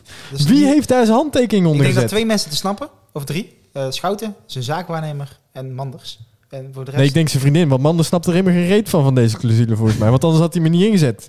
Nou ja, als je hem per se wilt houden, en dit is de manier waarop je hem kan houden voor een half Want ook hier moeten we even eh credits, Ja, oké. credits aan eh, de stem. Die kwamen ermee dat hij binnen bij Nederlandse transfer waarschijnlijk een ton of twee zou moeten eh, kosten. En bij een buitenlandse transfer is er gewoon helemaal niks. Is er gewoon helemaal niks. En dat, eh, we hebben wat navraag gedaan, dat wordt wel bevestigd. Ja, nee, weet je, ik geloof het. Ik, eh, ik geloof het, maar ik, ik snap... Dus waarom is Schouten dan eh, zo belangrijk om binnen, binnenboord te houden, zeg maar, dat je hem eh, eh, die clausule moet bieden? Ja, Ja, vorig jaar had je natuurlijk Maria en Massart op links. Zijn, zijn contract liep, dus als ik het goed heb, zijn contract liep deze zomer af Ja. eigenlijk. dus je hebt, je hebt daar echt gekozen voor eh, eh, dat je hem binnenboord houdt. En, maar dat, dat is dan ook alles meer gezegd. Want ik denk, ja, in dit scenario, op het moment dat het goed met hem gaat, dat hij presteert, dan is hij dus eh, bij, en er zijn natuurlijk vrij veel buitenlanden. Die zijn er vrij veel. Er zijn, het is maar één Nederland, er zijn vrij veel buitenlanden. Het, eh, je- dan is de kans dat hij transfervrij weggaat natuurlijk heel groot. Ja, maar weet je wat ik het zure dan vind aan de clausule? Hè? Je, je doet dat om in de hoop iemand dus langer vast te houden. En je bent eh, twee wedstrijden wel geteld onderweg in dat nieuwe seizoen... waar je voor je die clausule hebt opgenomen in het contract. En dan zegt, doei. Ja, en het is ook heel klote dat ze niet hadden gezegd van joh, eh, tot 31 juli. Of tot 30 juni. Ik, Eh, ik snap niet dat daar dan? niet een, een, een, een, een stukje tussen staat van... ja, maar wacht eens even. Dat betekent niet dat je als het nieuwe seizoen begint... gelijk al de deur ja, uit kan lopen. Dat is inderdaad wat ik zeg. Van, wie- als je gewoon eh, ja, dat had laten aflopen een paar maanden geleden. Of eh, dat, dan had je nog tijd gehad om een Nou ja, vervanger te regelen even- voordat het seizoen begon. Laten we wel even een disclamer. We weten natuurlijk niet exact Nee, hoe dat contract niet. in elkaar zit. hè. We, dat, we, we hebben, Dit is van de informatie die we hebben, zeg maar... is dit mijn mening. Laten we daarop Oké, houden. Dus laten we... Mocht, mocht het zo, eh, zo, zo kaal zijn als dat ik denk, dan... eh, Mocht eh, de situatie anders in elkaar steken dan wij op dit moment vermoeden, dan staat het NAC natuurlijk vrij om eh, ons uit te leggen hoe het wel zit. Maar op basis van de in, op dit moment En ik beschikbare informatie gaan we er inderdaad van- vanuit dat die transfervrij vertrekt. Ja, en ik tik het met alle liefde uit. Laat je meteen weten als Alex belt. Dan, Ja, dat is goed. Dan moet die eerst online staan. Eh, nee, maar dit is natuurlijk wel op... eh, eh, ja, het is gewoon heel vreemd. Daar zijn we het allemaal over eens of niet. ja, ja, Ja. je kan hier niet veel meer van maken dan dat het gewoon een hele gekke... Want je Het is, het is, clausule de- uh, ja, het verhaal eromheen, ja, ik vind eh Want dat zijn natuurlijk de reacties die je leest. Hè. Mensen zeggen, ja, dit is dan een verlenging voor de bühne geweest. Dan heb je een positief verhaal voor je achterban, terwijl je effectief er geen hol mee opschiet. En dat is natuurlijk... Nou, misschien wel op... Ja, nee, je, gaat, je schiet nee, je schiet alleen meer op want op het Het is moment dat hij precies niet- hetzelfde als je geen contract had verlengd. Want op het moment dat hij eh, eh, niet presteert, dan heb je hem dus nog voor drie jaar onder contract liggen. En dan is alleen hij daarbij gebaat. Op het moment dat hij wel presteert, is hij dus in alle scenario's weg. Want twee ton is voor een eh, Nederlandse club, voor geen enkele Nederlandse club, echt een probleem die hem wil hebben. Eredivisie twee ton, dat tikt iedereen wel af. We hebben natuurlijk zelf Ja, maar ook- dat- is oké, twee ton, zeg maar. Als, je nou, als nou een Eredivisieclub kwam en zegt... Hier heb je twee ton. Maar als hij echt Zwaar. goed gepresteerd had vorig jaar, dan was twee ton te weinig geweest. Maar dit zegt toch Ja, gewoon alles dat je hem ja, vorig ja. jaar gewoon wilde houden. Dat hij gewoon in de winterstop anders weg zou gaan. ja, wellicht. an- anders geef je hem de- deze clausules toch niet? Ja. Ja, eh, inderdaad. zeg ik wat- niet dat wat Levine informatie zegt, heb. Of dat het Nee, is maar Er zitten eh, weinig eh, scenario's aan het contract vast, zeg maar, waar je echt wat aan hebt. Ja, en uiteindelijk zie je dat het nog een groter probleem wordt, omdat hij dus in de competitie start, terwijl dat je denkt van, respects, dat is Ja, allemaal oké. Een paar dagen voor een wedstrijd. En nu hebben we Milan Vlak, die het allemaal geen hol interesseert. Nee, dat is niet wel waar. dat is niet waar. nou, eh, eh, eh, laten we ook het, het, het stukje overstaan dat eh, Lex Schoenmaker eh, kennelijk zijn eh, huiswerk alvast gedaan had. Eh, die had al iemand op de lijst staan en dat eh, schijnt eh, Ruben Ligion te gaan worden. En eh, ik weet niet hoe jullie daarover denken. Ik ben daar best wel positief over gestemd. Ik vind, eh, we hebben natuurlijk, ik heb even de carrière van uh, Lijon uitgespit. Nou ja, dat is op zich een eh, carrière waar heel veel verhalen over te vertellen Er zijn. komen hier drie pagina's tevoorschijn. Eindelijk hè. Ik heb voor, niks eh, bomen geslacht. Eh, het is zo dat hij natuurlijk zijn carrière begonnen bij Ajax. Debuut gemaakt ook in de Eredivisie. Behoorlijk wat wedstrijden voor jong Ajax gespeeld. Nou ja, toen verhuurd aan NAC. Eigenlijk alles gespeeld op de, de laatste wedstrijd van het seizoen na. Uh, vind ik best wel oké indruk gemaakt. Uh, niet voor niets werd hij daarna verhuurd aan Willem II en uh, vervolgens ook naar Utrecht. Nou ja, dat was allebei uh, geen succes. Uh, ik moet zeggen dat ik op dat moment, uh, toen hij bij Willem II het niet redde, wel dacht... jij wilde zo nodig weg bij NAC. En jij verlaat een zinkend schip, want we degradeerden natuurlijk. En dan denk ik, ja, dan red je niet meer Willem II. Sucks to be you. Uh, dus ik moet wel zeggen dat, uh, dat over die uh, wrok die ik destijds koesterde, ben ik inmiddels wel heen. Dus nu ben ik gewoon blij dat ik terug kom. Hij is vervolgens nog naar Stel van Bratislava geweest. Niet uh, heel geweldig gedaan. Uh, contract laten ontbinden naar Pek Zwolle. Vervolgens verhuurd aan de Graafschap. Allebei die ook niet veel gespeeld. En uh, de laatste jaren bij Trent zien. En dat heeft hij wel oké okay gedaan. Ja, maar dat, dat is het vooral. Ik heb, Ruben, we zijn in- blij met je. Even na Nee, dit. Dus, weet je, als je zijn carrière uh, ziet, Nee, lijkt het vooral een carrière te zijn waarin hij op uh, cruciale momenten uh, niet de juiste clubs uitgezocht heeft. Terwijl die uh, qua prestaties uh, op dat moment, uh, de, het wou, op basis van zijn prestaties, waren het geen onlogische keuzes. Nee, dat klopt. Maar jij, ik heb bij NAC toen de indruk een beetje gehad, of dat is wat me bij is gebleven, dat het een degelijke back was. Niet heel sterk, uh, niet heel zwak. Uh, maar dat hij daarna het eigenlijk nergens echt gered heeft. En ik ben daarom een beetje uh, zoekende in mijn gedachten van, ja, uh, op basis van zijn periode bij NAC toen zou het nu een hele goede back zijn. Maar ja, daarna heeft niks gebracht. Dus is dat zijn niveau? Of is alles wat daarna is gekomen zijn niveau? Ik ben daar eh, positief gestemd, zoals ik al zei. Want ik heb, eh, een, hij was eh, bij MVV op proef. Hij is ook nog bij Emma op proef geweest. En in zijn periode bij, toen hij bij MVV proef was, heeft voetbalzoon een interview met hem gedaan. En daarin zegt hij wat hij nou eigenlijk toevoegt. Wat, wat voeg je nou op dit moment toe aan een selectie in de KKD? Hij wil sowieso heel graag terug naar Nederland, omdat hij zijn dochters wil zien. Hij heeft natuurlijk in het buitenland gezeten, hij heeft hij ze allemaal op, alleen op afstand gezien. Nou, hij wil dus daarom graag weer in Nederland voetballen. En zegt, wat ik toevoeg, is eigenlijk heel cliché. Maar ik zie veel jonge jongens die gas terugnemen na één goede wedstrijd of training. Dan denken ze dat ze er al zijn, maar dat is niet zo, geloof me. Je moet je keer op keer op keer blijven eh, bewijzen. Dus ik ben tegenwoordig wel iemand die erop hamert dat je door moet blijven gaan. En ik denk, kijk, dat is iets waarvan ik denk, dat kunnen wij op dit moment supergoed gebruiken. Eh, iemand die eh, de, de zwarte kant van het betaald voetbal gezien heeft, gewoon door eh, wellicht omdat hij op dat moment niet de mentaliteit had, eh, op de verkeerde plek op de verkeerde tijd zat, maar inmiddels wel weet wat er voor nodig is om als prof te slagen. En dat is wel precies de mentaliteit die je nodig hebt. Ik We hebben gehouden- misschien goed, maar wat voegt hij voetballen toe? En ja, daar zitten bij mij juist de grootste vraagtekens. Ja, hij heeft natuurlijk met zijn carrière, want hij is in eh, 2013 heeft hij zijn debuut gemaakt, toevallig eh, in de Eredivisie tegen NAC. En hij is inmiddels negen jaar verder. En hij heeft, Ik was bij die wedstrijd trouwens. hij heeft eh, 137, 139 wedstrijden geloof ik gespeeld. Er zijn er natuurlijk niet zo heel veel. Maar ik denk als je gaat kijken naar de clubs waar hij gespeeld heeft, het niveau op die gespeeld heeft, ja, dan moet hij toch op de KK, in de KKD iets toe kunnen voegen. Was een wedstrijd in de arena, toch? Eh, nee, het was speelde eh, bij ons? Oh, bij ons. Oké, die speelt bij... Oké, cool.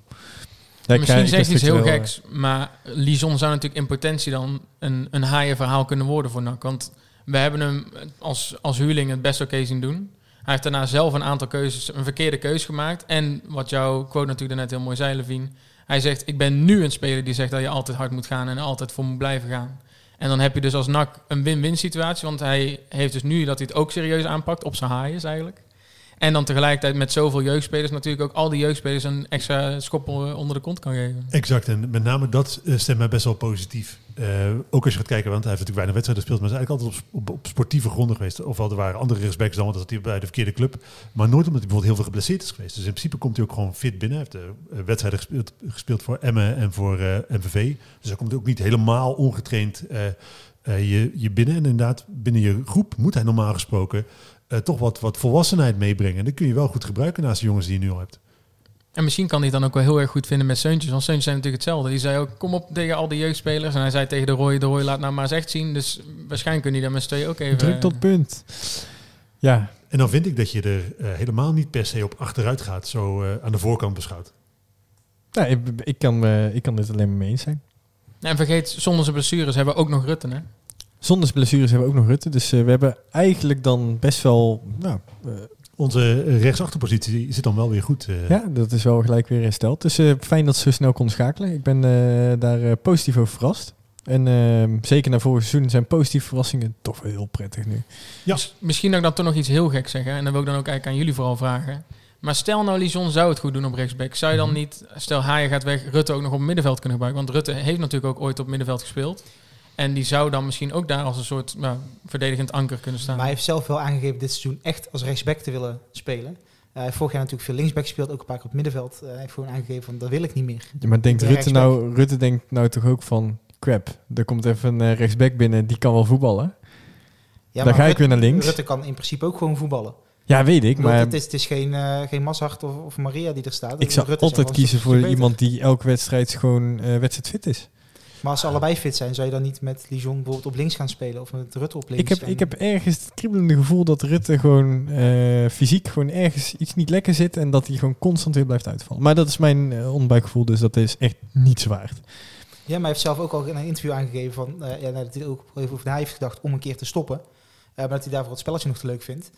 Dus ja, waarschijnlijk zit er ja, dus inderdaad ook gewoon onderbuikgevoelens en eh, speculeren. Maar Ik denk dat die positie als centrale middenvelder of een beetje verdedigende middenvelder is best wel een mooie uitwijkoptie. dat is natuurlijk, eh, er komt best wel ruimte vrij. Ik Ja. weet niet zeker of hij daar eh, datzelfde brengt als wat, wat Haaien brengt. Eh, net zoals ik daar met, met Malone wat twijfels over heb. Maar het zijn natuurlijk wel opties die je hebt. En ik denk dat eh, Rutte uiteindelijk liever wedstrijden speelt dan eh, op de bank zit. En hij is tweebenig. Nou, hebben we dat ook opgelost? We hebben dus eigenlijk, we- we- als eh, de graaf luistert... Alles valt op zijn plaats. Precies. Dus eh haaien, Geen zorgen, eh, 9,5 ton is ook gewoon genoeg. Hup, en dan is alles weer opgevangen. Minimaal, minimaal anderhalf miljoen, hè, anders... Eh, 1 miljoen 400. Ja, dat maakt Oké. helemaal geen uit. Maar eh, dan hebben we ook nog een eh, andere speler in aanbod gedaan. En dat vind ik, ik vind het een beetje een korte light. Eh, Antonia.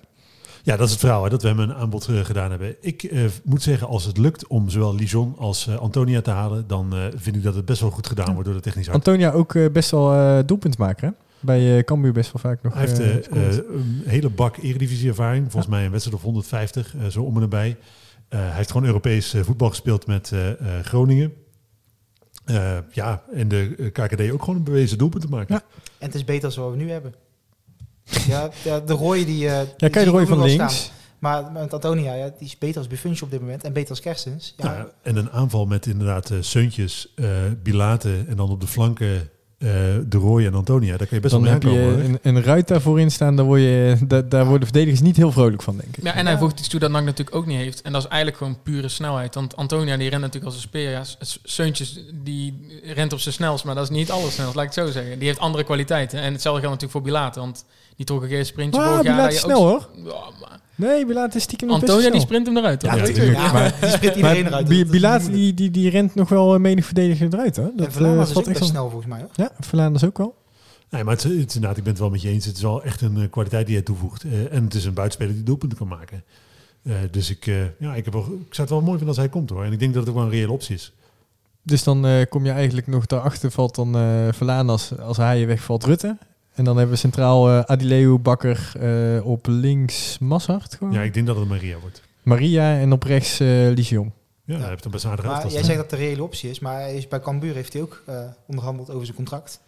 En daar is hij waarschijnlijk volgens de geruchten afgevallen omdat hij te veel salaris vroeg. Ja, zal hem leren. En Moet hij nou niet meer doen dan. Nou ja, is hij dan clubloos en denkt hij, ik, eh, ik moet toch eh, geld hebben, eh, ik ga bij NAC spelen? Ik denk dat dat het is. Want Of is het zo meteen van, ik ga kijken of er iets beters komt en dat hij uiteindelijk eh, drie, vier weken na de transferperiode ongetraind aankomt en dat hij fit is, is het winterstop. nou ja, dat is natuurlijk wel een risico. Maar ik, dat, dat is een risico. Maar ongetraind is hij waarschijnlijk ook nog steeds sneller dan de rest. Ja, maar je hebt Nee, vorig jaar en de afgelopen jaren wel gezien als iemand niet wedstrijdfit binnenkwam. eh er waren zo, nou ja, Zie Bakker, eh, vrij snel geblesseerd. eh, of gewoon dat het zo ongelooflijk lang duurt dat ze gewoon fit zijn, dat je er eigenlijk niks meer aan hebt. Want heeft hij ergens meegetraind? Dat weet ik niet eh, zo goed. Ik durf het niet te zeggen. Hij heeft voor mij nog in de voorrijden wel meegedaan bij Cambuur. Oké, Heel eventjes. Oké, dan is hij niet helemaal ongetraind. Oké, nou, dat is wel een risico mooi. inderdaad. Oké, Ja, dat, eh, oké. oké. helder punt. Nou ja, dat, dat zal zich denk ik eh, de komende dagen misschien al wel uitspelen, Antonia. Ja. Dat eh, gaan we horen. Dus dan gaan we nu naar eh, ja, het leukste onderdeel van de dag. Naar Xnak. Ja, zullen we beginnen met eh, eh, een beetje ex-nak en ook gewoon de, echt wel nieuws van deze week is namelijk het eh, feit dat we eh, toch centjes krijgen voor Rijvloed. Ja, dat die, zag ik- die had ik hier al Centjes losstaan. horen te krijgen. Nou ja, centjes Ja. ja. krijgen inderdaad, want dat is, je zegt daar wel iets heel goeds. Eh, eh, in de Zwitserse media zei eh, Nicola Bignotti, de general manager van het volgende. Ik zat, het is in het Engels, ik zat dus hè, een beetje... m- Mijn eh, eh, vertaling daarvan is eh, dat eh Frosinone eh, eh, had dus eh, zoals bekend eh, eh, Vloed weer overgenomen van Chiasso. En bij, eh, nadat de contracten getekend waren, stelden ze blijkbaar vast dat eh, Vloed een hartafwijking had. Daarop zei eh Frosinone, eh, alles leuk en aardig vrienden in Zwitserland. Maar ja, wij gaan niet betalen voor deze gast. Want deze heeft een hartprobleem. En het is wel zo dat hartproblemen en hartproblemen zijn wel twee dingen. Ita- Italianen zijn daar bizar streng op. Eh, zie bijvoorbeeld Eriksen. Ja, mag prima in, eh, in Nederland voetballen, mag niet in Italië voetballen. Ook niet in Engeland. Nee, dus eh, oké, maar in ieder geval niet in Italië. Dus zegt eh Chiasso, ja, we hebben dus vervolgens ook vastgesteld dat inderdaad Vloed hartproblemen had. En dat hebben we aan NAC laten weten. En ja, NAC heeft daar vervolgens helemaal niks mee gedaan.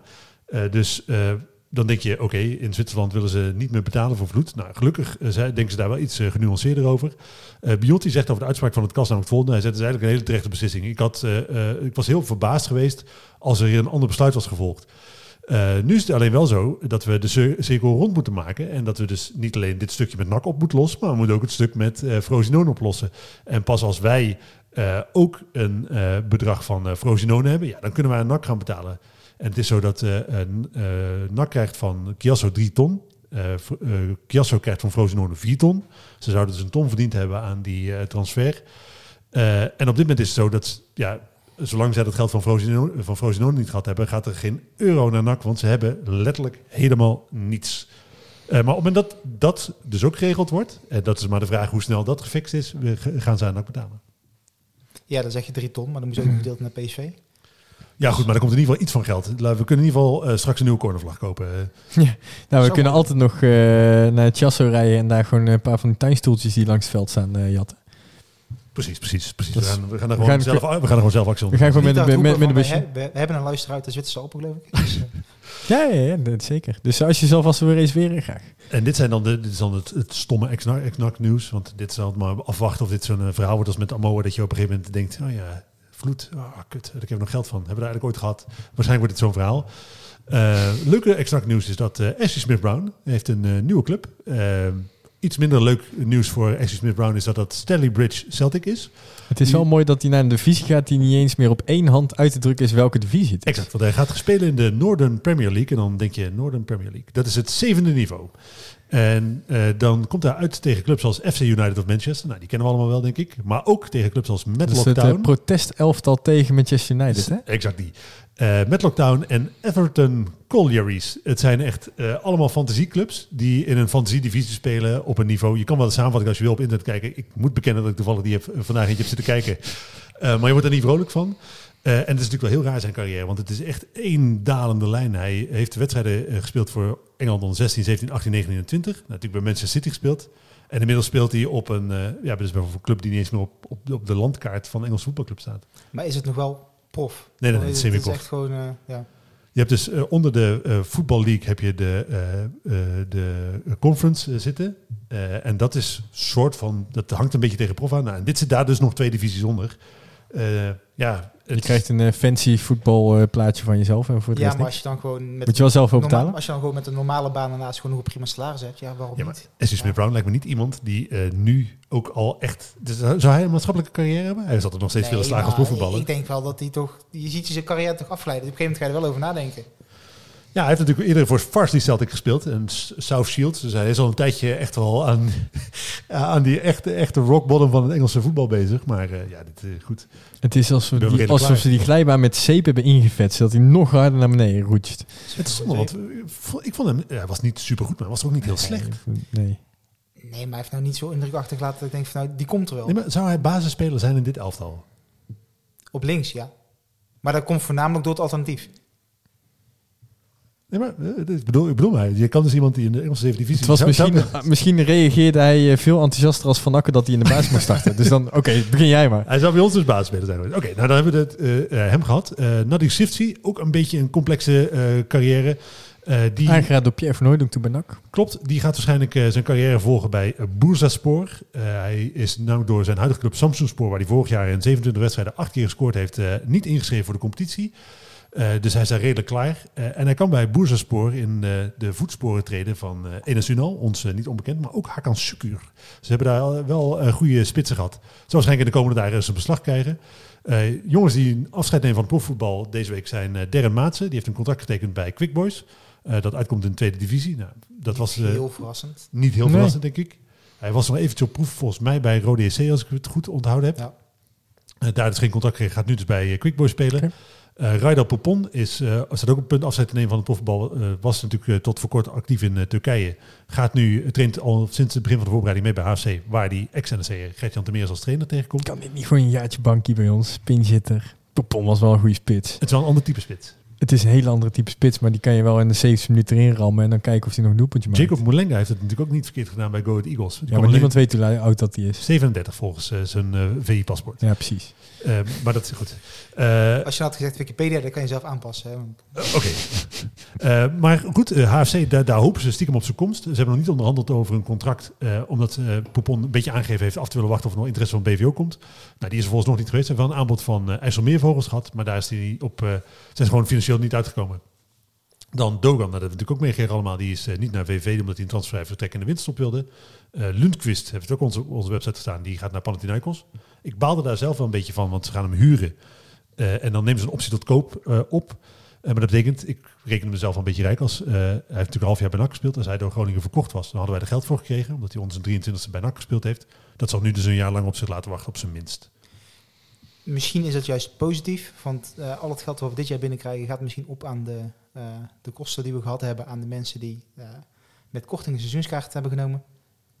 En alles wat volgend jaar binnenkomt, dat zou misschien gewoon weer een plus kunnen zijn. En je weet ook niet, nog niet eh, of er eh, organisatorisch nog wat eh, wisselingen gaan zijn als er nieuwe aandeelhouders komen. hè? Precies. Dus eigenlijk zet ik mijn mening bij. Zijn we Panathinaikos gelukkig.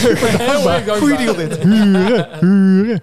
Eh, en als laatste eh, Tommy van der Leegte. Die heeft een eh, nieuwe baan. Eh, die wordt namelijk de sidekick van eh, Rob Penders bij eh, Eindhoven. Hij wordt daar teammanager en hij gaat daar... eh, Ik dacht even dat hij radio ging maken toen je zo dat verhaal begon. Ik dacht Rob ik wist het nog niet. Ja, ik- hij, Rob Stenders, Rob Penders. Rob zei, ja, dat kan hè. goed. Eh, maar hij wordt daar fulltime teammanager bij FC Eindhoven. En Cool. eh, eh, volgens mij is, wordt, wordt Eindhoven nog steeds gesponsord door zijn familie, of niet? VDL. Ja, klopt.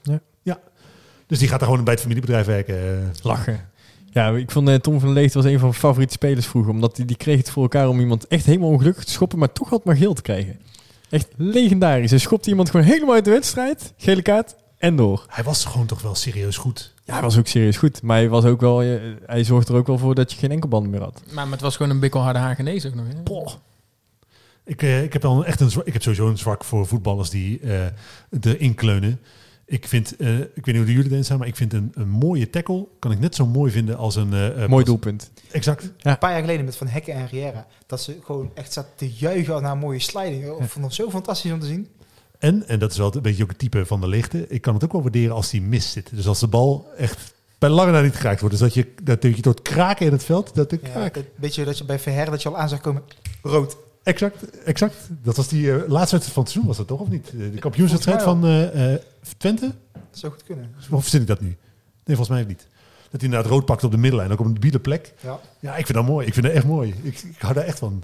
Ik hou daar echt van. Ja, eens. Ja, de, de, de enige naam dat ik ooit op een shirtje heb laten zetten bij NAC was Van de Leegte. Dus qua mentaliteit zal het komend seizoen wel goed zitten, denk ik, eh, bij Eindhoven. Met eh Rob Ja, en Tom kleunt van hij ze Leegte. eraf. Ja. Dat was in ieder geval mijn exact nieuws. Nou, dan eh, denk ik dat wij eh, eh, nog één ding resten. Want we gaan natuurlijk eh, aankomende week gewoon nog een potje ballen. Eh, aankomende vrijdag spelen we natuurlijk thuis. En eh, nou ontgaat, kom ik even niet op de naam. Ah, tegen ADO, sorry. Jezus. Ja, Ja, we, zitten al, we, in Den zitten, Haag. En we, zitten, nou, we zitten al heel lang te lullen natuurlijk. Dus dan brain fart. Maar eh, tegen ADO. eh, weer een clash. Weer een eh, team in vorm. Eh poeh. Zullen we gewoon gaan Ik ga één voorspellen? gooien. We kijken elkaar, we zitten elkaar Ja, nee, eh, Ja, Wouter mag als eerste aftrappen. ik eh, denk dat we in 0-0 gaan rusten. En dat we uiteindelijk met eh, 1-2 gaan verliezen.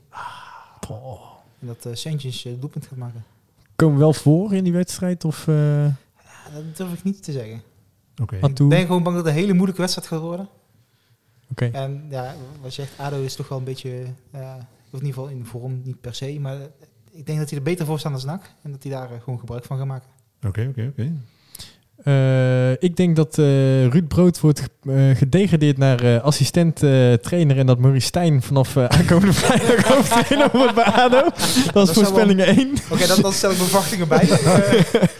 En dat we dus tegen het betonvoetbal van Maurice Stijn moeten gaan voetballen. Want hij gaat helemaal anders spelen natuurlijk als nieuwe hoofdtrainer van ADO aankomende vrijdag. En daardoor winnen wij met 1-0 omdat ze toch één gaatje laten vallen. En dat doelpunt wordt gescoord door... Oeh, dit is wel lastig. Ehm Kosia in, het eind, in de eindfase. Oké, oké, oké. Eh, Als dit zo uitkomt, hè, dan wil ik echt gewoon geld krijgen van Unibet zonder dat ik heb ingezet. Sjosje en Koosje. ja, switch voor Kosia. Ik denk dat het eh, ruststand 1-0 voor, voor eh, ADO is. Dus ja, 0-1 dan. Eh, maar dat het uiteindelijk 2-2 wordt omdat we eh, in de tweede helft wakker worden, maar één kansje nog laten gaan. en dan denk ik dat de eerste goal van NAC gemaakt wordt door Bilaat, omdat hij even mag invallen. Oké, ik eh, denk eh 1-1. Ah, ik ga gewoon voor 3-1. Fuck it. Ik wil Ja, gewoon. Ik ga, ik, ga na, ik ga zaterdag op vakantie, dus ik hoop zaterdag met een goed gevoel die auto in te stappen. Eh, ik denk gewoon 3-1. En eh, ik eh, hoop dat eh Kerstens eh, scoort. Maar je weet dat wel Stijn betonvoetbal gaat spelen. Nee, nee, Drie doelpunten. Kerstens gaat gewoon een Ja, doelpuntje maar maken. Brood speelt ook niet heel aanvallend voetbal, toch? Ja, maar is assistent trainer. Die heeft helemaal geen fuck meer te vertellen vrijdag. Eh, Oh, en ik hoop, dat, dat, die wil ik ook even, dat uh, Adileo, wij zagen natuurlijk een fantastische actie maken tegen de Graafschap. Hij had er vorig jaar ook al zo eentje. Uh, ik ik uh, ga ervan uit dat hij misschien dat de aarde te vroeg komt, maar er gaat een moment komen dit seizoen dat hij achterin begint, 6, 7 man passeert en dan gewoon boven in de winkel schiet. Dat hij doelpunt van misschien wel de eeuw maakt. Maar ik denk nog steeds dat- actie. Beter nog, beter nog. Maar ik denk nog steeds dat hij hem eigenlijk rechts onder in de hoek zou willen schieten, maar gewoon verkeerd raakt en daardoor in de winkel En haakt. dan linksboven. Moet zo wel, hè? Maradona in wederopstanding zegt nee, dit was inderdaad een mooie goal en die gaat weer liggen. Dat eh, echt zeker. Gaat gebeuren, gaat gebeuren. Oké, ik eh, kan hier alleen maar eh, met een positief gevoel gaan afsluiten. En ik denk dat ik eh, iedereen eh, ja, weer zie of hoor volgende week. Een tikkie naar het zuiden en een tikkie naar beneden. Daar wonen al mijn vrienden en daar voetbalt NAC. Laat nu de klok maar luiden, er is toch niks aan te doen. De B-side staat in vlammen en NAC wordt kampioen.